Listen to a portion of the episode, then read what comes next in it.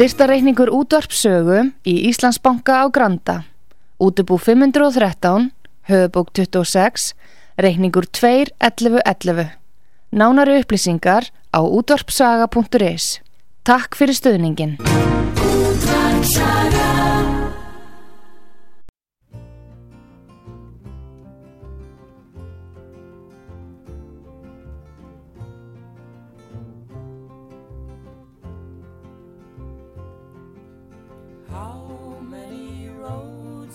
A man walk down before they call him a man? How many seas must a white dove sail before she sleeps in the sand?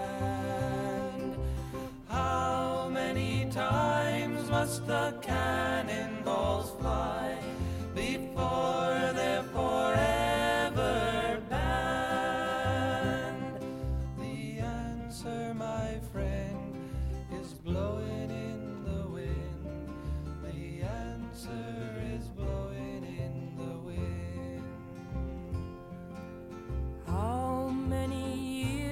must a mountain exist before it is washed to the sea? How many years can some people exist before they're allowed to be free? How many times can a man turn his head and pretend that he just doesn't see? The answer, my friend, is blowing in the wind. The answer is blowing in the wind. How many times must a man look up before he can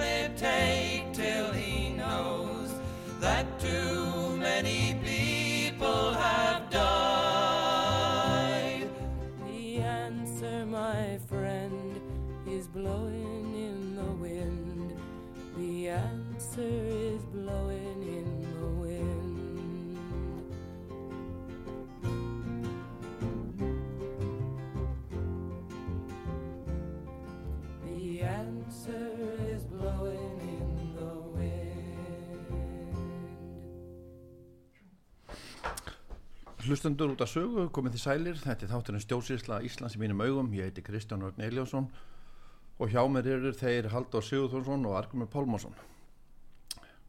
Mér dætti hug, strákar, eigum við ekki bara að byrja á að ræða það sem framkom í máli ástildar Lófu Þórsdóttur, alþingismanns frá flokki fósins sem þetta er um á undan, en, en það er arðrúður komið inn á húsnæðismarkaðin, verðtrygginguna, vísutölu, verðblokkur svo framvegis, ástildur Lóa var myrkri máli og hún hefði verið að ágjöra stöðu mála eða stöðu heimiluna hún líkti veðringur lána við hérna egna upptöku það sem ég hlustaði á þáttinn og aðeins var rúmum þremar árum nefndi dæmum fastanakaup munaði miljónum eða 20 miljón á höfustóli, verðris láns og óverðris láns en það kemur vantilega rétt fréttu þetta síður í dag hérna á heimasíðu út af sögu þar sem hættu eru að gera greina þess að tölu betur eða þá að hlusta á viðtalið állu lófu og spila þáttur í spilunum í frettinni hún segir sko, hún sagði líka að það er allt betra í dag en að bjóða upp á verðryggingu hvað segir þið um þetta?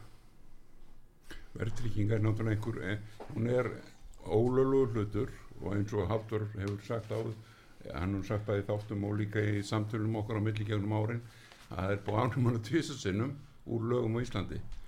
Hún hefur enda aldrei verið í lögum á Íslandi. Það er, það er bara það er, þetta var sett, þetta er kallað óláslög og var reglugjör sem var sett 1989 nei 1979 fyrir ekki. Og það átti að vera tímambundi ef Ólaf Jónsson sem þávarandi og þeirra hefði lifað hann bara fór heim og varði veikur og dó hann hefði orðið brjálaður að láta kalla þetta Ólafslög sem hefði gilt í 40 ár eftir, eftir þau voru sett. Hann hefði orðið drilltur. En ég verð að þakkinni ástulóðu fyrir framsögnu eða náðan að því hún er svo svakalega var svo svakalega rétt og Artrúð fór líka kostu með, með spurningunum við hana.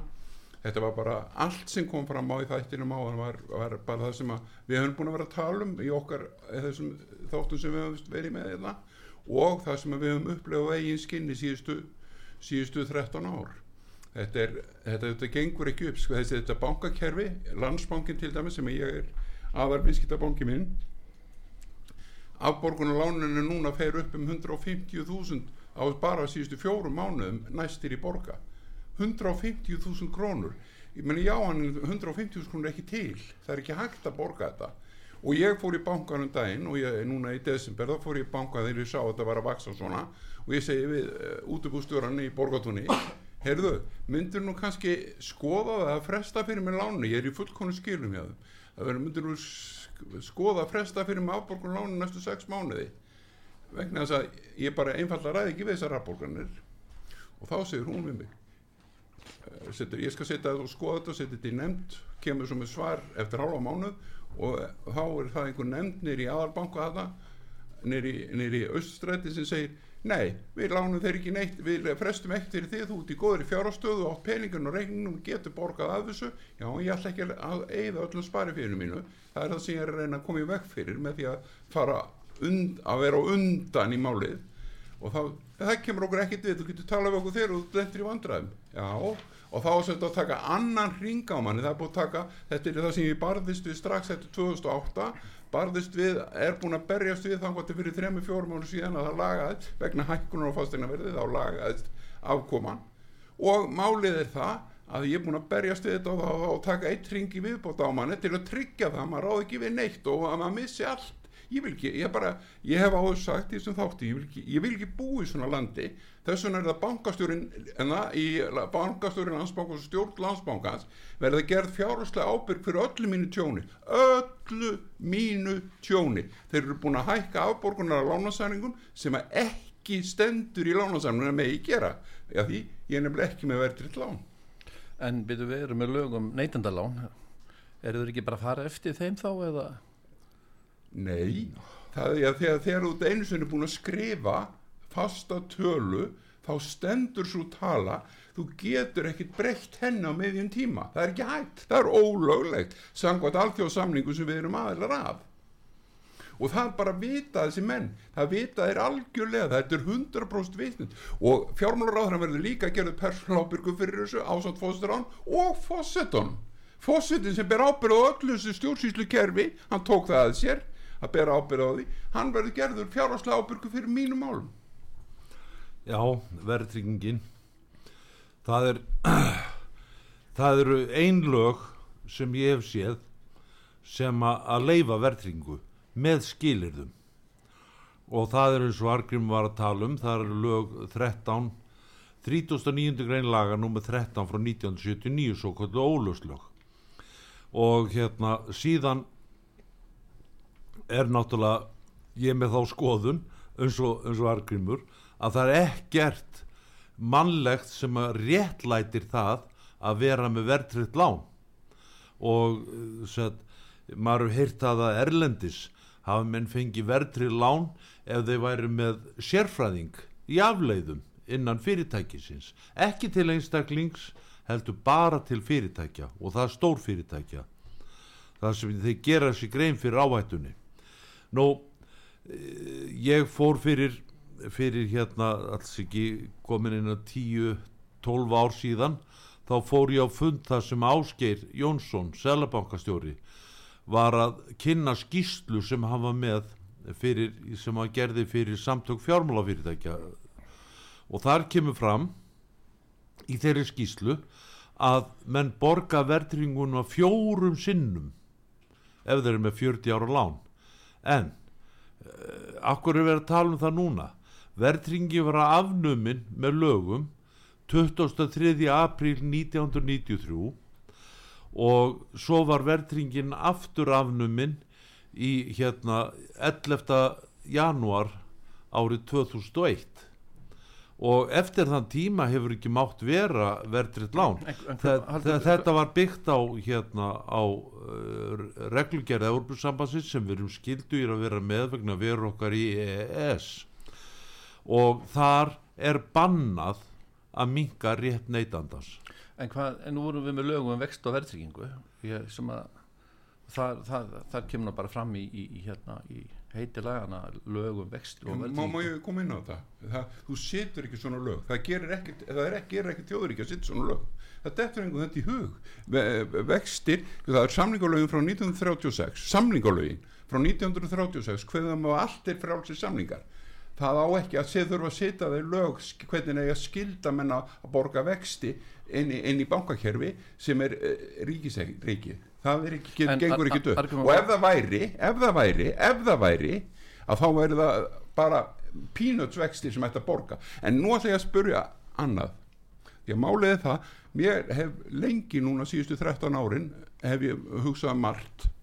Og eitt af því sem ég hef farin að hugsa um síðustu árin er akkurju er peningur í banka má hann ekki vera pe- en það er atvinnlaus akkur þarf hann bara að hefa, hafa vext í banka? Akkur, hvað er það sem gefur leifi til þess að sá einstaklingur það fyrirtæki sem á peninga að það gangi framar manninum mér, ef ég er atvinnlaus þá þá fæ ég bara smá atvinnlausspætur en ef að, að, að, að hérna peningurinn má aldrei vera atvinnus hann þarf að vera á verðtriðum vöxtum og hann á alltaf að vaksa og vaksa og hún lísti nú ágætlega hérna á hann hún, hún hérna ástildur Lóa hvað slags ofbóðslegu fáránleiki þetta er yeah. og þetta ég vil ég hef sagt ég vil ekki búa í svona landi og þetta alþingi sem er þetta niður frá 63, hún lísti því ágætlega líka á hann hún efnaðs og viðskiptanemnd hefur engan áhuga á bankakerfinu? Engan áhuga á því hvað er að ske í bankakerfinu? Þeir eru ekkert að pæli því hvað er að ske í bankakerfinu.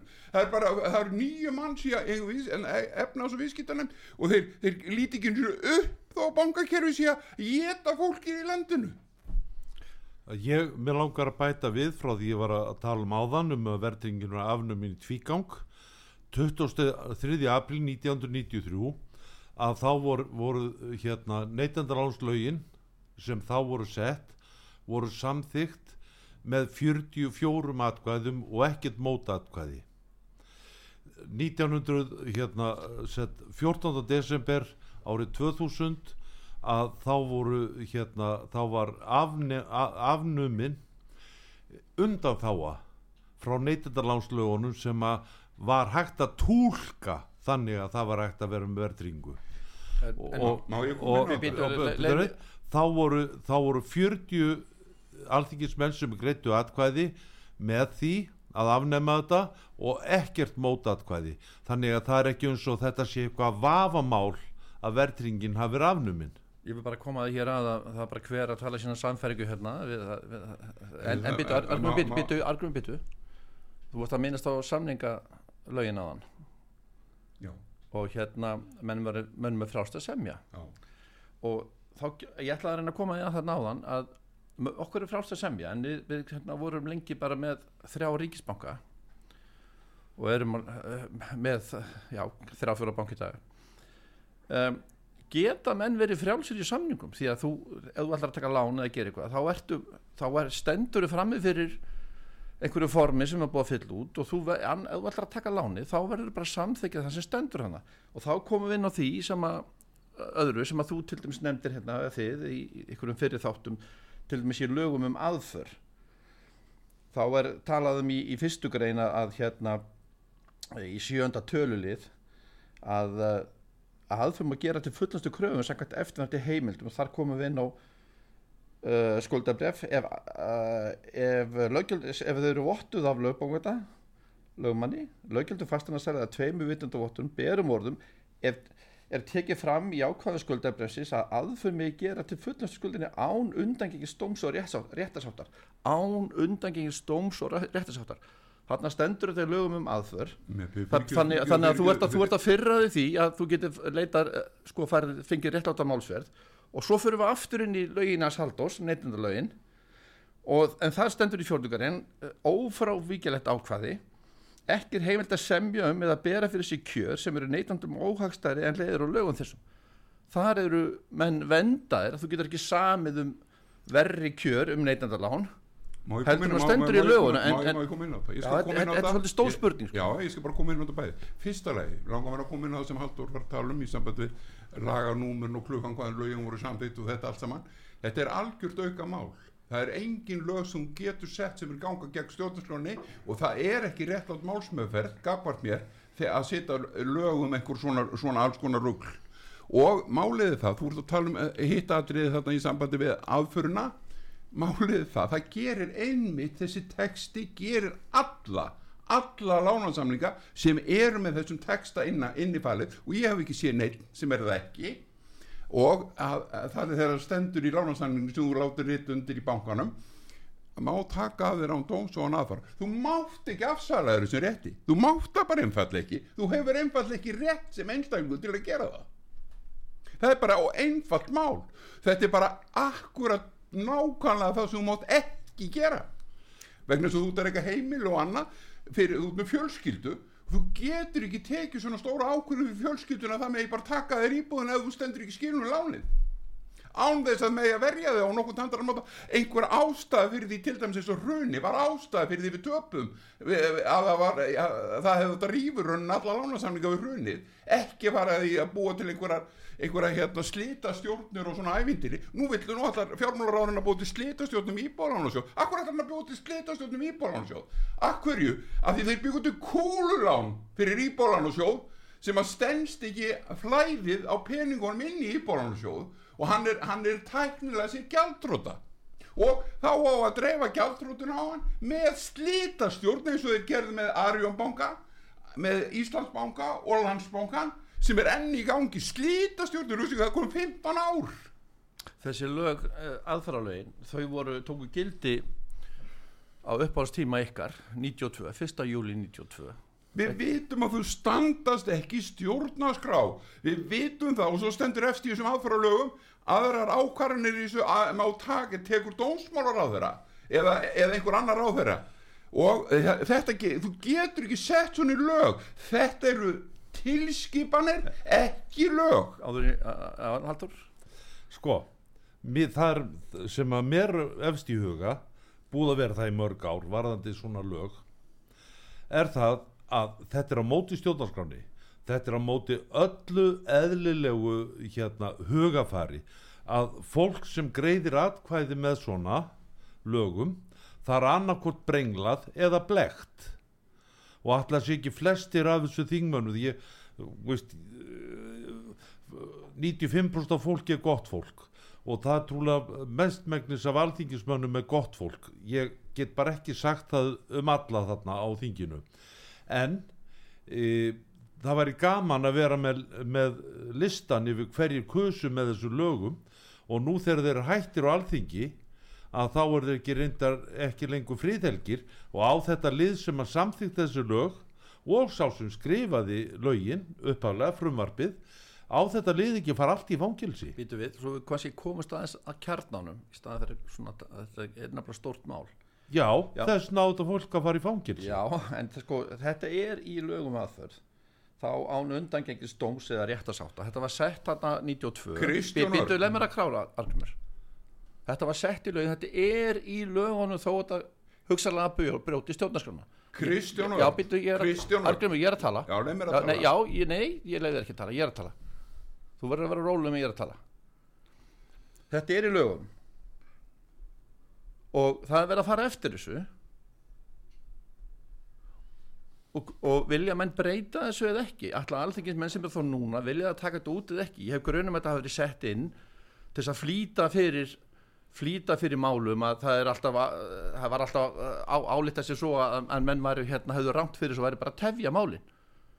Þetta er þess að flýta fyrir auðvelda afgjörslu eitthvað slíkt, ég, ég veit það ekki, ég er bara að tala svona upp um mér. Kristján Örn þessi texti settur í lög gengur gegn stjórnarskráruverðum rétti mínum sem þólanda að svona aðför og er þar leðandi brot á mínum mannréttindum og sá sem það gerir byrgjöðu, nú er ég að banka í borðið eins og sumir gera og málið er það að þetta getur ekki staðist korki gvaggavart stjórnarskrá íslenska líðveldisins ne gegn alþjóðsamningum hvorki saminu þjóðsamningum um mannréttindi ne Evroparóðsamningum um mannréttindi ne fallaða samningum um mannréttindi ne batnasáttmála þá spyr ég þig, af hverju er þetta inn í lögunum og af hverju er ekki búið að taka þetta út, þetta er búið að vera í tíu Ég hef ára. ekki hugmynd um að hverju menn eru svona vittlisur að setja svona texta á pappír. Ég get ekki svara því. Það, þetta var sett í lög á sama tíma og fókiti var afnumin og hérna hvað skildi valda því að menn afnámu fókitan það var eiginlega besta leiðin til þess að auka vinnu lögfræðinga og að hjálpa hugsanlega einhverjum óheiðarlegum mönnum að græða á viðskiptum við aðra. Það er hérna eftir þegar þessi lög komu þá fjölgaði lögfræðingum alveg óhemju. Það var allt brjálað að gera að rukka. Menn voru svo, þegar hruni kom að þá voru lögmenn alveg byðu í byðröðum við Íbúlánasjóð þeir höfðu 40 lögmenn til umráða í Íbúlánasjóð þeir byðu í byðröðum við bankana til að fá að taka sér svoleiðis mál. Vegna þess að meðaltali var það að lögmaður sem sáum þetta fyrir bankan var að hafa þrjár miljónir í tekjur á því.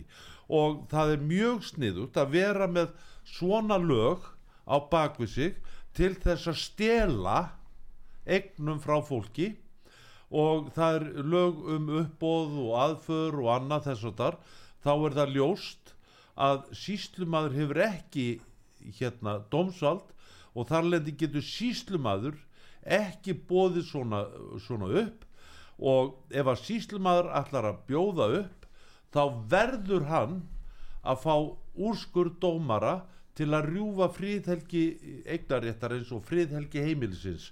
Og þessi lög þarna þessi lagastuppur breytir ekki því að fríðhelgi eignaréttarins og fríðhelgi heimilisins er rofið með þessu og það þarf dómara til að koma að því. Þetta er allt rétt sem hann aldur er að segja í sambandi við þetta. Málið er það, það þarf auðvitað dómara. Ef það kemur upp deila að þú getur ekki, sjáðu Akkur, kemur, akkur komur upp deila? Meni, Hvernig ná ég að taka 150 skrúnum meira á mánuðu upp úr veskunni hjá mig sem ég á ekki til? Hvernig ná ég að gera það? Segðu mér hvernig ég á að geta gert það Og ef ég á, að borga þessu uppæð Akkur má ekki semjum hann í lengri tíma? Akkur má ekki gera það, segðu mér það. Akkur, akkur er það ekki? Þetta sem Ástaflófa var að segja hérna einmitt á hann Þessi aðför að íbúanum stó- Sofandi þingmenn sem að nenni ekki Nenni ekki eins og að rísa upp í nefndin hana eftir hérna, efnás og efnaðsnefndin nennar ekki eins og að lýsa upp út af, af bankakerfunu eh, Seðlabankin er umbóðslaus að reyka peningastefnum umbóðslaust fyrirtæki. Enga fyrirtæki að reyka, reyka, reyka peningastefnum með fólki utan um bæ sem að það eru fjórir að fimm manneskjur sem taka ákvarðan um það hvort að lífmyndi að ég á að lifa það degi í landinu. Það er bara ekki gengur ekki upp. Og það þarf að koma eins og ég er búin að marg segja í þessum þáttum það þarf að, auðvitað að fá alþjóða löglæðinga strax. Og það er bara sá auðli sem gerir það ekki þarna niður á þingi að hann er auðvitað verður gerður dregin til að 100% ábyrðar því þetta verður dómsmál heimsins innan skams tíma. Þetta bankakerfi og þetta hrunkerfi frá 2008 Ég ætla aðeins að fá bara smá tíma þess að fara í gegnum þetta aftur því að ég er, er sammál ykkur en ég er bara aðeins að skilja hvernig ég er að tengja þetta. Við erum með lögum aðför frá 1989 sem tók að gildi ní- 1. júli 92 og þetta kemur inn á lögum frangvæntavaldi ríkis í hér að þegar öllu var breytt. Við höfum rætta hérna áður. Ég held ekki Aldur að, að menn hafi gert þetta til þess að, að hérna, stela einhverju endilega, ég held að það hefði verið meira gert til þess að hraða málinu. Og þarna var síslumar að missa spónur askísinu, dómsvaldi var að fara frá honum. Og þess vegna var tekið í um lögum aðför því að það síslumar sem franga með það þá var, var það semst tekið þannig undir þetta að aðför megi gera til fullnust í skuldum án undangins dóms eða réttasátt það var semst verið að það var verið að síslumann þetta átti bara að afgræða máli hjá síslumanni það þurfti ekkert að fara þurfti ekkert að fara í, í hérna í dómsmál. Ma- þetta er að klára þetta. Síðan komum við að því að þetta eru sérlög. Svo koma nettinuleg sem það talaði um. Ófrávíkilegt ákvæði þar, það megi ekki það er heim, óheimilt að semja um eða bera fyrir sig kjöð sem eru neytanda óhægt en leiðar á lögum þessum þar ertu vendar í lögunum alveg þú vendar í húsalögulögunum munar á atvinnum húsnæði og íbóhúsnæði og þá komum við inn á stjórnaskrána sem er aðistallara heimilda réttur, rétturinn til réttur málsmjölar fyrir dómstólun, það er 70. greinin sem að þi- þú varst að nefna á hann Grímur og Fyrir sjöttu 70. grein já. og, og, sjö, og sjöttu grein mannendarsáttmála Evropu og þarna kom inn á það af hverju af hverju er þessi setning ennþá hann í lögunum?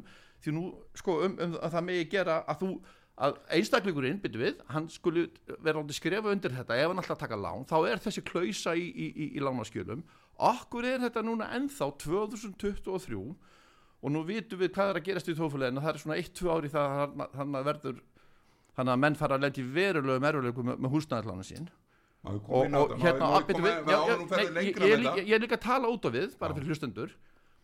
Þetta er bara punktur sem þarf að taka út. Þú, það, þú, þú hefur öllum ber réttu til að fá úrlöst um réttins svona skildur um ákjæra hendur sér um refsara hásumum með réttlátur málsunum innan hæfilis tíma 70. greinin. Öllum allir hafa hana rétt. Hvernig getur þau afsalaði réttunum um, um, í stjórnarskjórnum þú getur ekki afsalaði réttunum í, í neytandarlánum Þetta er þetta stendst ekki snöð skoðun sem en þetta með ákvæði með, með að má taka án dómsvona aðfarar það er miklu miklu eldra í, í, í þessum, þessum uh, bankalánaskjölum sem að Íslendingar hafa búið til. Það er sennilega frá, frá því að Ísland var líðvildi var stofnað að menn hafa verið láttin að afsala sér þessu. Það án dómsvona aðfarar. Ég á mjög gömul skjöl sem að ég bara fyrst íbúin sem ég kefti að það, hún er með svona uh, furðu texta.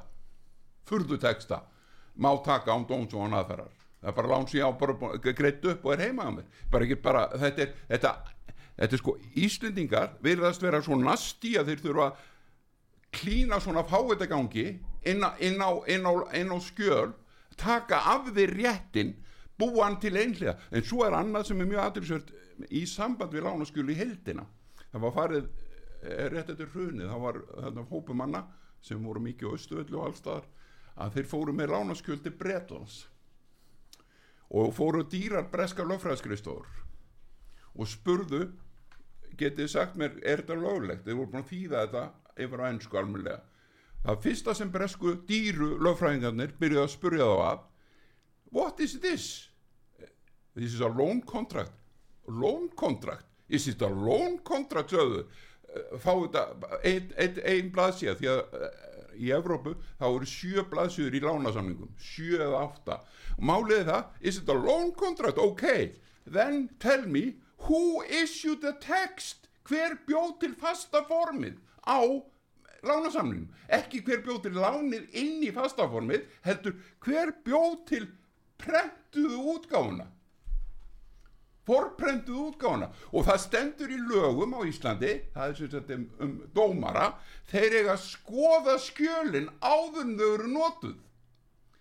Áður en þeir eiga að gefa leifi til þess að nota svona forskrifu skjöl. En þeir gera það, þeir skipta sér ekkit að því að standa þetta á, það má taka án dóms og og það er miklu meira smáalætrinu sem er raunin alveg rosalega kallað í öllum lánasamningum Já, það er, þetta er, sko, þetta er, þú veist, maður, maður, það er svona, er hlátur í huga, það er náttúrulega lengi á ekki vera hlátur í huga varðandi þessi mál. Og ég vil meina það að þetta sé, þetta sé sambland af heimsku og græðki að þetta svona er, eru í þessu lánasamningum. Og hérna, ég var gerði eitt, ég hafði samband við, hérna, við líknarfélögu í Bretlandi þar sem að, ég var að tekka á því hvort að líknafélagið væri, væri þetta er líknafélag um mannréttindi hvort að þeir væru til í að senda uh, lögmenn með alþjóðlega réttindi hinga til Íslands til þess að hérna til þess að fara í verðtrygginguna fyrir en almenna borgara hérna og ég rætti við þá í tvo tíma í símanum og svo daginn eftir og daginn eftir það og svo fekk ég bara eh, sett lista hjá þeim um hvað ég ætti gera til að koma þess á stað og eh, mér hálf fjallust hendur við það og, og bað vini mín og félaga kom með mér í þetta en það hefði engin trú á því að það hægt að gera svona. En ég hef séð ég hef sá alla lánasamninga eða allar útfræslu lánasamningu sem Hafnarabær var með þurfti að borga af.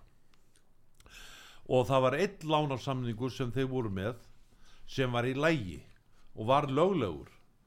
Það var erlenda lánið sem að þeir voru svo hrættir um að hérna myndi drekja hafnafyrði að það var allt, allt lagt í það að borga upp þetta lán og taka verðtrykt lán í staðinn þar sem verður að borga markvalda verðtringu þannig að það er vittlesanir gjöldleins Ég hérna við höldum, við ætlum að fara núna í auðlýsingar og, og en áður við sko förum við þar þá ætla ég aðeins að, að fara aftur í nýttendalögin, það kemur hérna fram í þriða kabla aðgangur að gagnagrunni, það er sem gett ráð fyrir því að þessi gagnagrunni sem hættir að meta lánshæfi neytanda og kannski ræðum við eins og kreditinfo eða lánströst þegar við komum eftir, eftir auðlýsingar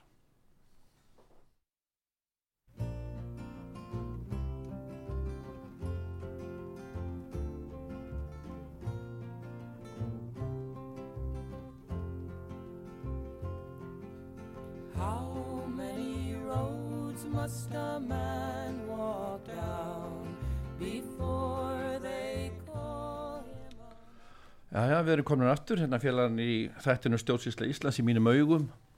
Við erum að við erum að ræða um lögum aðför, neytendalánin og, og, og slíkt. Argrymur, ég eh, sko náttúrulega að spörja þig. 92 þegar mörgum lögum var breytt og hérna lögum framkvæmt framkvæmt aldrei ríkis í héraði hvað um,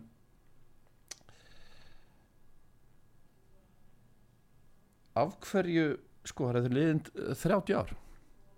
Við erum búin að vera með fullt af alþingismönnum og haldur líka. Við erum búin að vera með fullt af alþingismönnum. Af hverju er þetta ennþá inni að menn geti skrifað undir bref og afsalið sér þessu vegna þess að það er engin að fara að gera þetta fúsum og frjálsum vilja eða er, er að byggja um að þetta sé í formið brefsins þetta er bara sett í form brefsins til þess að auðvelda aðför hjá fólki og það náttúrulega hreyfir einhver mótmæli við þessu vegna þess að það fær þá ekki lánið. Alveg eins og, eins og við komum kannski inn á, á eftir að þegar þú ferðin á kreditinfo eða lánströst að þegar þú ert í viðskiptum með banka þá ertu búin að samþykja skilmála bankans þú er búin að samþykja, þú er búin að henda frá þér fullt af rétti sem þú hefur samkvæmt stjórnarskráni gegn því að vera í viðskiptum við þessi fyrirtæki. Það er að því þú ert búin að vera með sofandi alþingismenn í 30 ár. Sofandi fólk verið að taka hana og það hefur, hefur látið, en það mætir á þingið og nennir ekki að hugsa. Hún sagði hún ástalofa einn á hann hvað sagði hún á hann í sambandi hérna viðskiptarnemdina nennir ekki að spá í bankakerfi þó hún sé að reyna að taka það upp að inni. Konan er formaður hagsmunasamtöka heimilina sem hafa starfaði frá einlega fyrsta ári eftir hrunið og hún er komin á þing núna og situr í þessar efnaðs og viðskiptarnemd og þeir nennir ekki að taka upp bankamálin og segja þetta er ekki okkar mál heldur vísa þessu í enga bankaráð út í bæ bankaráð út í bæ sem að, sem að fólk er valið eftir, eftir, eftir einhverju vinaklúb inni. Og eða bankastjóra sem eru valdir eftir einhverju vinaklúb þegar bankastjóra starfsfólk bankan er persónulega ábyrgtur einhverju einasta lána sem það lánar. Starfsfólk bankana starfsfólki, þú getur valið hvaða einstakli sem þú vilt til þess að, að láta endugreiða þessi lán. Málið það, það lánar engin svona það fer engin svona með samborgara sína og við erum að tala svo hann hefur talað, talað um lögfræðingarna en það er rétt á hann haldur það bara ég mundi allt í hann eftir því. Það stendur í hegningarlögum sá sem nýti sér bávíindi annara að hann á yfir höfðu sér fangilsi alltaf sex ára fyrir út af skadabætur málið það, hver einasti lögfræðingur sem hefur komið innheimtu á fólk sem er á, í greiðstöðaröngum með banka eða, eða ríkis fyrirtæki hann hefur nýtt sér báindi sjálfur sér til tekna og þar með orðin ábyrgur með sitt eigin heimil undir. Húsið sitt, bílið sinn, allt. Það er allt undir, þetta snýst allt sem hann við, það fyrst tekur þetta ríka fólk af fátækafólkinu svo kemur fátækafólki og tekur ríka fólkinu. Þetta er, þetta er, þetta er sko heimskan ræður Íslandi og meðan heimskan fær að blómstra þá er ekkert að gera og það er einmitt heimskan sem þú tala um þetta átti ár. Stefán Pálsson, bankastjóri Búnabankans hann skrifaði grein í morgunblæðið 1993 þar sem hann fjallaði um það að ef, þegar við vorum gengnir, nýgengnir í ES samningin allir lánasamningar Búnabankans og þar með sennilega allir lánasamlingar annara banka eru ólöglegir. Hvað hefur við að gera? Hjálp. Það gerði engin neitt. Engin neitt nú hann hérna uh, fóstur neytindastofu ég man ekki hvað hann neytir í nákvæmlega augnablíkinu hann þegar, neytindastofu var stopnuð rétt fyrir hrunið þá skrifar hann svakalega greinagerð þáverandi viðskiptaráðar sem þá var Björgvingi Sigursson hann skrifar svakalega greinagerð og ásand aðstofamann sín sem núna held ég að sé Ólaf Fóstur og hvað stendur í greinagerðinni hingað leitar stanslust fólk með ólöglega lánasamninga hvað þið var að gera, hjálp! Það er ekki ennþá búið að gera neitt í þessu. En svo er það bara annað. Í lögum um framkvæmdvald ríkis héræði í, í, í lögunum um aðför og lög, lögum um, hérna, um uppbóð að þá er síslumann er, er, er falið að framkvæma þetta allt saman en ef að það er ágreiningur um undurstöðu málsins þá má ekki síslumadur bjóðu búsið hann má ekki reka menn út úr húsi. Hann má ekki gera neitt. Ef það er ágreiningur um það það stendur í þessu lögum þá þarf það að fara fyrir dómara. Og þar er þetta, þetta eru þvælan sem er í gangi að þarna voru síslumenn og, og, og dómarar og lögmenn að tólka lögin. Og þar leti tólkaði stjórnarskrána líka sem ekki má. Já, já. og en jú það má í neytandamálum tólka lög samkvæmt íslensku lögum en þá er það skilist við að tólka neytandi vil. Sko það, málið það ég myndi skammast mér fyrir að starfa sem lögfræðingur í Íslandi. Skammast mér fyrir það það er reynilega bara skömmaði að vera lögfræðingur í Íslandi. Dómari ég, ég, menna, þeir eru náttúrulega búin að sína vanafni sína e, alveg bara í bótt núna. Ég var nú að funda á miðgutagin í síðustu viku hjá sjálfstæðisfloknum samtökum eldri sjálfstæðismanna. Þar var fyrirrandi fóstaráðara að tala um sín mál, hann var að tala fyrir eldri borgurum um hvað hann líður illa en þannig að þetta tíu árum eftir málafelli sem hann lendi í kallur landstómsmál og það er búið að skrifa heila bók um landstómsmáli og það í bókinni kemur fram, það er búið að rannsaka það að bæði dómarinn voru ólöglegir uppsetningi var ólögleg það var allt ólögt í kringum hennar landstóm nú á þessi maður alveg bullandi skapótar rétt og svo sérðu núna það nýja stað, það voru tveir drengir sem eru búin að vera, þeir eru búin að vera hundelti núna í nokkra mánuð af einhver, einhver, einhvers konar ruggli og nú er búin að vísa því öll saman frá. Núna koma skadabætina frá þessum drengjum. Sjálfur mun ég krefja 600 miljardar krónar skadabóta af íslensku samfélagi út af einföldu skilnaðamáli með köpmála Þú ert að tala um strákana í þessu svo kallega hriðverkamáli ég er að tala um strákan í þessu svo kallar reyðurskumar þetta er alveg orðið nákvæmlega það mál er nákvæmlega orðið eins og Guðmundur Geirfinnsmálið nákvæmlega, það er bara núna 23 en ekki, en ekki, ekki 1900 og hvað og 70 og eitthvað. Og svo var lögfræðingur að skrifa núna í, á ringbrötundaginn núna í síðustu viku hann var að skrifa um einangrun einangrun, þegar þú setur fólk í einangrun. Lokar fólk inn í glukkalusum klefa í einhverja klukkutíma daga, vikur eða mánuði. Hvernig það fer með fólk. Og byggðu á eigin reynslu byggðu eigin reynslu. Og hann sagði þetta er ekki hægt. Þetta, ég sef ekki eftir þetta. Og akkur á að drepa fólk sem að sjáðu, enginn er segur fyrir að það búið að finna út sektinas akkur drepur fólk með, eða loka þeim í klefa? Áðunút búin að ákveða hvort að það, hvort að það er sekt. Hvað er þetta með bara örstuðt með, með þetta hreður eitthvað dæmi er, er lögreglan í einhverju eðurleysiskasti er, er hún að finna upp bara eitthvað til þess að Ég veit ekkert um, ekkert um laurugluna ég ég get bara sagt um laurugluna hún stendst ekki mannréttindi mín vegna þess að þetta er ríkis fyrirtæki inn í sjálfstæru lögsugur Reykjavíkur. Og hann starfar hér á 100% á, á persónu ábyrg mann sem er læknir og sérfræðingur í mannreitum kallir borgarstjóra og það er bannað. Hann á eftir að þurfa að borga reikningi fyrir þetta líka, persónulega. Já, þetta er náttúrulega það, þetta er alveg rétt sko en, en mergumáls er sá að það sem lauruglunni vantar að það er yfirmann sem er með dómsvald. Þess vegna var virkaði lauruglan fínt hérna áður fyrr. Lauruglan var, voru, sett, var, voru undir stjórn fókita fókiti sagði lauruglunni hvað þeir ættu að gera. Það er í stað þess að í, í dag ef ég vil kæri eitthvað þá þarf ég nú að fara bónarvegin til þess að kæra hlutina uh, sko alveg sama hvað það er, ég þarf að fara bónarvegin og ég þarf að sækjum það.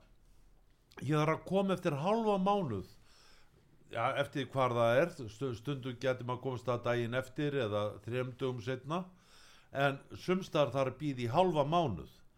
Og svo er, kemur fram kæra og hérna og ég fæ ekki eins og eintak af kærunni.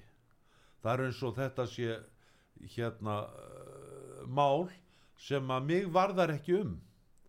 Ég þarf að sækjum það að fá þetta þessi einfalda kæra að hérna áðurna að fara að vinna í henni þá eru kannski sjö eða átta lauruglumenn búin að koma að því sett að ákveða hvort ég fá að kæra og kæran tók kannski hálftíma í hérna í, eh, sett, í praxís.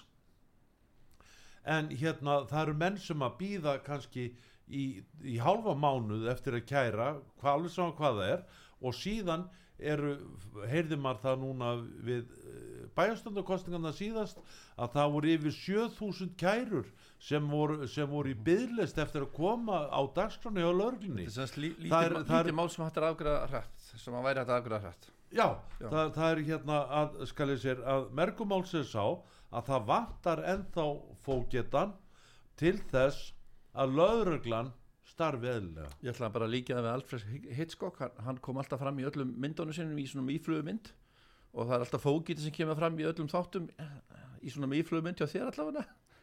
Þannig að þeir eigi þá það, það sami rétt en uh, Credit Info uh, við kannski tökum betur á þeim setna Við erum alveg til að Eh, fara í- Já, ég byrju við, byrju við. Við tökum betur á því setna, ég ætla aðeins að koma samt inn á. Hvað vitið þið um Credit Info eða lánströst það sem er lendi sjálfur þeir, þeir, þeir hafa sett mann á skrá vanskila skrá og svo eru þeir að selja þetta eh, eh, starfsfólki er að selja þessa skrá eh, lögfræðingum og bankastarfsmunum og það, það voru fjöldi manns að nýta sér báindi manns, mín og þeir nýta sér þetta sjálfum sér til framdráttar. Þeir eru sem sagt hafa kaupa þessu.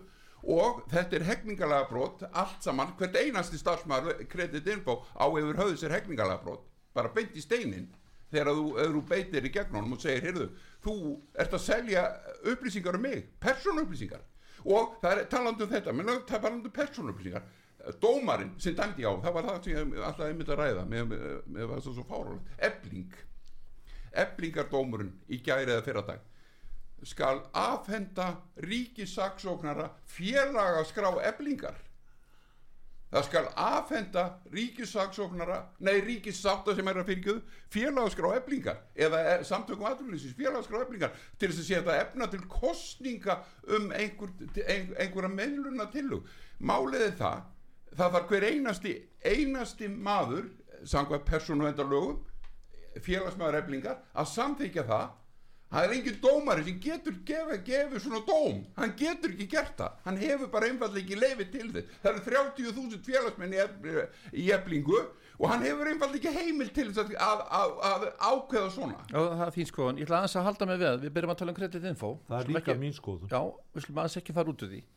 Ég spurði hvað vistu það, Halldór, hvað veist þú um Ég veit, það, ég veit það að þeir bara fara eftir hérna því sem að, að kemur fram í, í böngum og, og þess áttar svo þegar var að vera röfl í þeim þá fóru þeir að senda eitthvað eyðiblað. Ef maður hefði aðtúasemt við, við eitthvað sem að, að þá gætt maður fyllt út eyðiblaðið og senda í pósti til þeirra.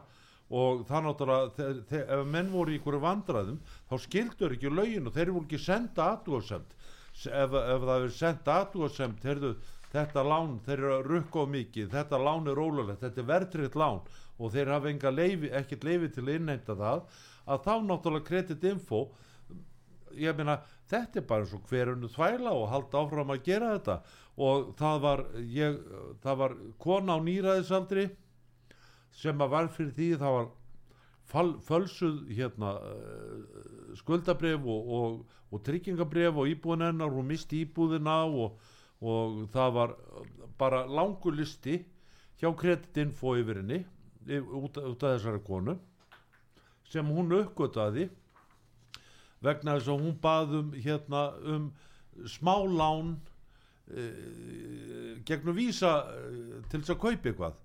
Og þá var henni sagt að hún væri alveg á myrkasta lista þarna og viðkomandi bað mig um að skoða þetta já, já þá, þá var náttúrulega voru hlutir að komast upp þarna en kreditinfo ég krafðist þess að þeir sendu henni bref og bæði henni afsökunar á því hafi ekki kannad málin hjá henni og þeir neituð að gera það Já, já.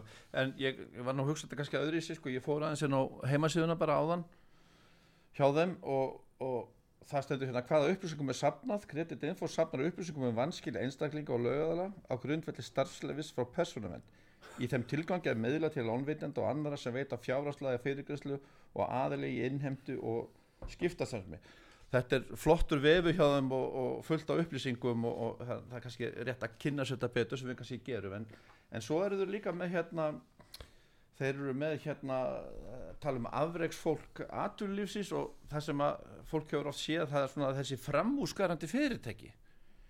Að hvenær ertu framúskarandi fyrirtæki? Þeir svona gefa svona einhverja gæðavottun á, á fyrirtæki og, og hvaða fyrirtæki teljast framúskarandi fyrirtæki? Og þeir þurfa að upp, uppfylla eitthvað skilirði það telur með að hefur skilað en ásreitningi hefur skilað nýjasta ásreitningi á réttum tíma er í lánshafisflokki 1, 2 og 3 reksnað hagnað var jákvæður ásnöðast var jákvæð. Eignar hlutvall, frangvæntastjóri hver er það, hann er skráður í fyrirtækjaskrá. Fyrirtæki er virt í sangvænt skilgrunum kreditinfo, rekstratekju voru yfir 50 miljónir og eignum voru með miskustu 100 miljónir og ef þú uppfyllir þessi skilir eða sér fyrirtæki þá getur þú sótt um að, að, að, að verða framúrskonandi fyrirtæki og þú greiðir fyrir það 135.000 og þá farður svona skjöld sem þú setur upp á vekkja þér. Og meðan við 850 fyrirtæki sem er hérna miskusti, þá er þetta 115 miljónir sem verða að borga á hverju ári. Bara í endunín á þessu skýrtinni sko, þetta er svona fyrirtæki þannig að það er svo sé verið að búa til svona elítu þú þarft að kaupa þetta er svo fegur að keppni hérna, að, að menn, menn þurfa að borga sér inn í hana sko. Þannig að það er ekkert að marka hana sko, ne, ne, að það er bara þeir sem taka þá sem greiða fyrir það. Mér kemur ekkert við fyrirtæki, ég er ekki fyrirtæki, Nei, nei. ég er ekki með sem einstakling og málið er það að þeir, þeir einstaklingar sem að þarna inni starfa og selja, selja upplýsingar um mig, þeir bera persónulega ábyrða á því að hafa selt upplýsingarnar og skráningun á þeim.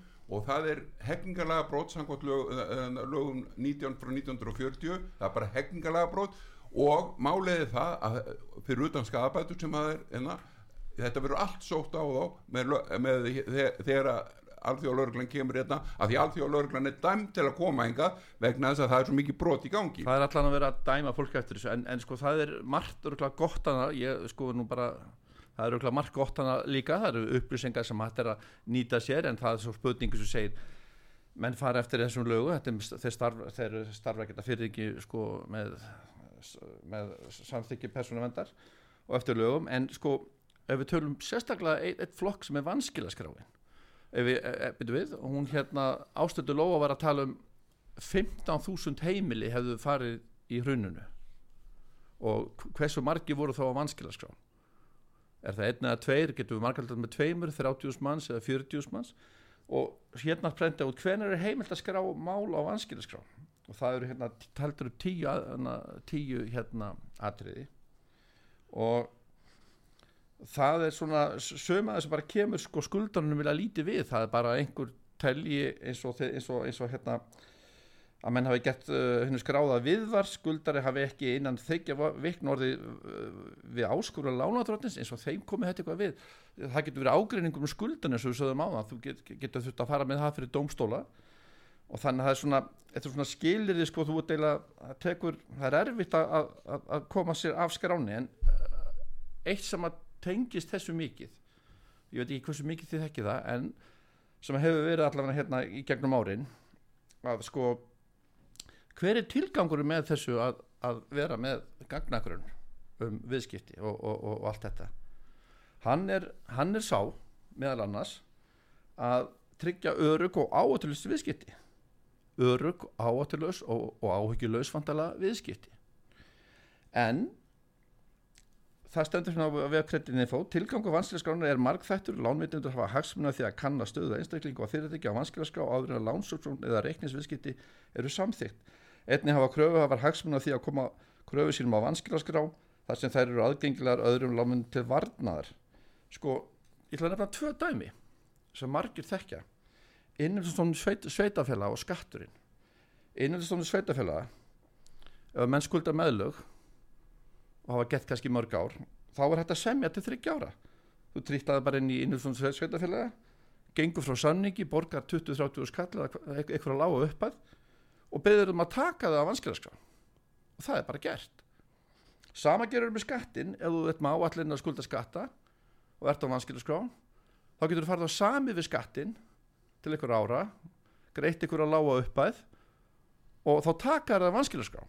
Hvað var þá um hugaróna hvað var þá um að tryggja örug og áhutilus viðskipti?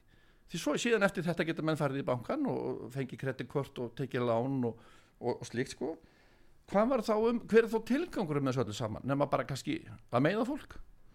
Tilgangur er bara að gera það sem að, afla tekna fyrir þetta fyrirtæki sem kalla sig kreditinfo eða starfsmennar sem þær vinna og var þetta ekki selt fyrir einhverja brjálaðslega peninga um daginn, einhverja, einhverja geðvika peninga? Þetta, fó, starfsfólki þarf að borga alla reikningana fyrir þetta þegar þetta verður sótt fram með þetta. Því að þetta stendst ekki. Persónuvend er fyrirtæki líka stopnur ríkisins. Og ég á heimi sjálfstæri Reykjavík. Sjálf, Reykjavík verður aldrei gefið út leifi fyrir, fyrir, fyrir, hérna starfsemi kreditinfo í Reykjavík. Þeir hafa látið afskiptarlaust það þýðir það að 23 bæja, borgarfulltrúar eru persón hún hefur fjallað um þetta borgarfulltrú sósélista, hún hefur fjallað mikið um kreditinfo, hún skilur það samt ekki hún er persónal ábyrg fyrir öllu tjónu sem eru að valda hérna inn í borginni. Hún er persónal ábyrg fyrir, hún skilur það ekki. Hún myndi ekki skilja það en hún á eftir að sjá það og finna það á einn skinni. Vegna þess að þegar þú tekur að vera leiðtöð með marga miljónir í kaup sjá, horfir á þetta og segir, já ég get ekkert gert ég er ekkert, ég er bara ég er bara lítil og minnmótar þá ert þú að leika eitthvað að þú þykist er að þú tekur að vera leiða en leiðir ekki. Þú ætla bara að fá kaupi fyrir að leiða.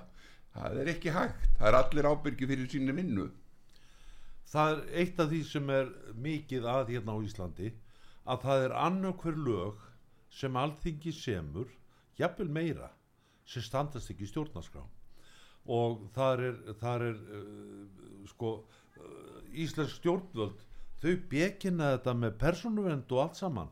En á hvaða fórsetum þeir hafa starfsleifi hjá persónuvend við höfum rætt þessi mál ég og félaga mínir við persónuvend og þeir segja við erum að gefa þessum, þessu fyrirtæki person, nei, hérna, hérna kreditinfo, við erum að gefa þeim undan þá frá lögum býttu nú við.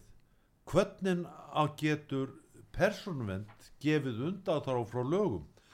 Þeir hafa ekki dómsald þeir hafa ekki dákvörnavald þeir eiga bara að fara eftir lögum og samkvæmt stjórnarskrá Íslands þá er það bara fórst í Íslands sem, hef, sem getur veit undan þá frá lögum. Það er all, alþingi getur veit kannski gert það ef, að, alþingi tekur sér saman og, og, og gefur einhverjum aðilega undan þá frá einhverju lögum. En persónvend getur ekki gert það. Það er bara þetta, það er náttúrulega bara algjörlega óheimilt. Og þegar persónvend gerir þetta að hérna, ef, segjum það að persónvend mætti veita þeim undan þá frá lögum þá þurfum þau fá undirskrift allra sem eru á lista hjá persónuvend allra, allra þjóðarinnar, það er öll þjóðskráin. Hver einasti einstaklingur þar þarf að gefa bekjana, set, gefa undirskrift fyrir því að það megi setja þessar upplýsingar í kreditinfo. Og ég veit ekki til þess að það hefur nokkuð tíma verið gert. Nákvæmlega svo hérna dómarinn sem sagði eh, önnu, önnu þarna að hérna hún ætti að láta eh, hérna eh, hafa listan yfir, yfir meðlimi þarna í verkalýsfélaginu það þarf hver einasti maður sem er á lista þar að gefa persónulega leifi sitt til þess hún annarsólveig geti sett þetta þangað. Það er nákvæmlega saman með persónuvendina það það er gildir sama reglan og stjórnarskráin er fyrir mig, fyrir þig, fyrir hlustandan og síðast þegar ég vissi þá voru innan við 20% íslninga sem höfðu lesið stjórnarskrána.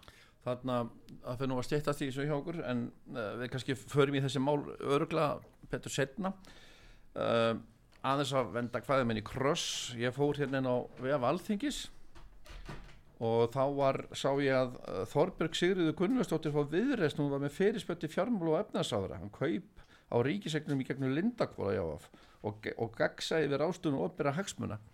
Hún er með fjóra spurningar og ég ætla að uh, byrja að kommentar á þetta. Á hvaða fórsendum tókur áþara þá ákvörðin að byrta ekki lista yfir alla kaupundur eigna, skuldabrefa, hlutabrefa, krafn og annar eigna í gegnum sölufelli hjá Lindakvóli? Í ljósi þess að ráðherra tók sjálfstæða ákvörðunum að byrta lista yfir alla kaupundur í setni sölu í hlutafröðum Íslandsbanka. Þetta er spurninga 1. 2.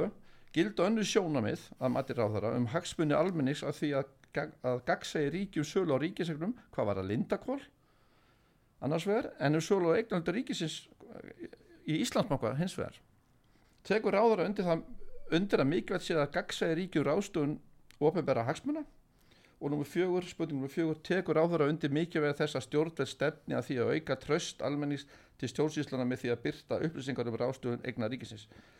Og þetta var skrifleg fyrirspurn og skrifleg svarir á eftir að koma.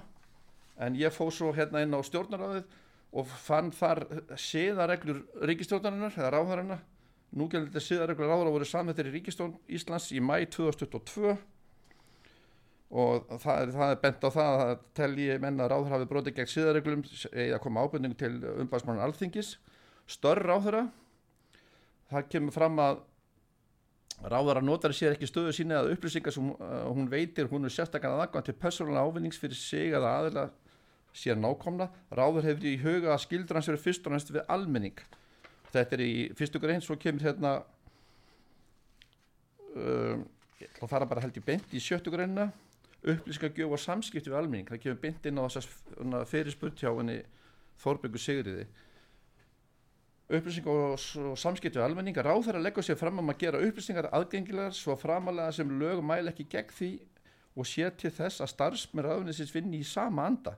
Ráð þeirra sinjar ekki um aðgang að upplýsingum sem varða almannahag nefn að lög bjóði eða almannahag sem krefist þess að öðru leiti ráð þeirra ber að hafa frumkvæði að því að byrta upplýsingar sé hún í almanna þáu ráð þeirra leitast við að eiga greið og opin samskipti við frjáls félagsamtök félag, fagfélög og hagsmunahópa með almanna hagsmunni að leiðalösi það er ekkit minnst á einstaklingin þarna argumur en þess um upplýsingagjöfum við suðareglunar, hvað finnst þér um hérna þessar spurningar hjá, hjá Þorbjörgu Sigriði, hvernig okkur er ekki búið að svara þessum spurningum? Það get ég ekki svarað þér en ég get, ég get sagt það að, að það er, við tölum um Lindakólum daginn og Lindakól er, ef þú bakkar Lindakól aftur og þá ertu komin í Sölfól, Hildu og Eignasafnið og Sæðlabankan og Ástabrif Davís.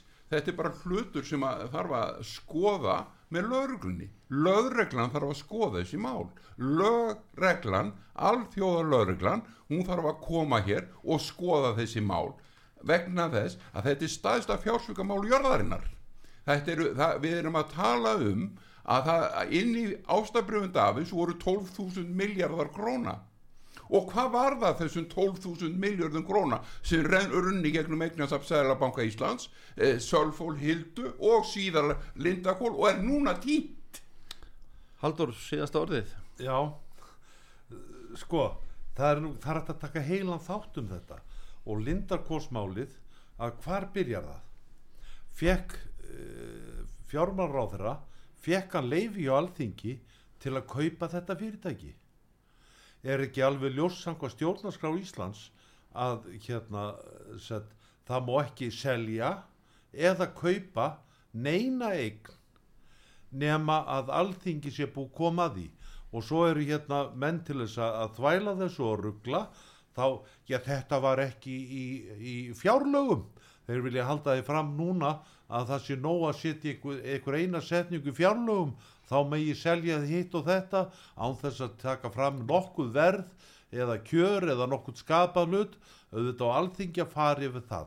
Og hvert einasta eign sem, al, sem að ríki tekur á fólki ber alþingi að samþykja segjum þetta gott, tím okkar á þrótum og þættir með lokið. Takk fyrir mig. Argrumur Pálmarsson og Haldur Sigurðursson ég þakka ykkur fyrir spjallið Bræði Reynisson, annaðist teknimál og stjórnaði útsendingu. Ég heiti Kristján Örn Eliasson og þakka hlustundum út á sögu fyrir hlustununa, lifið heil og góða stundir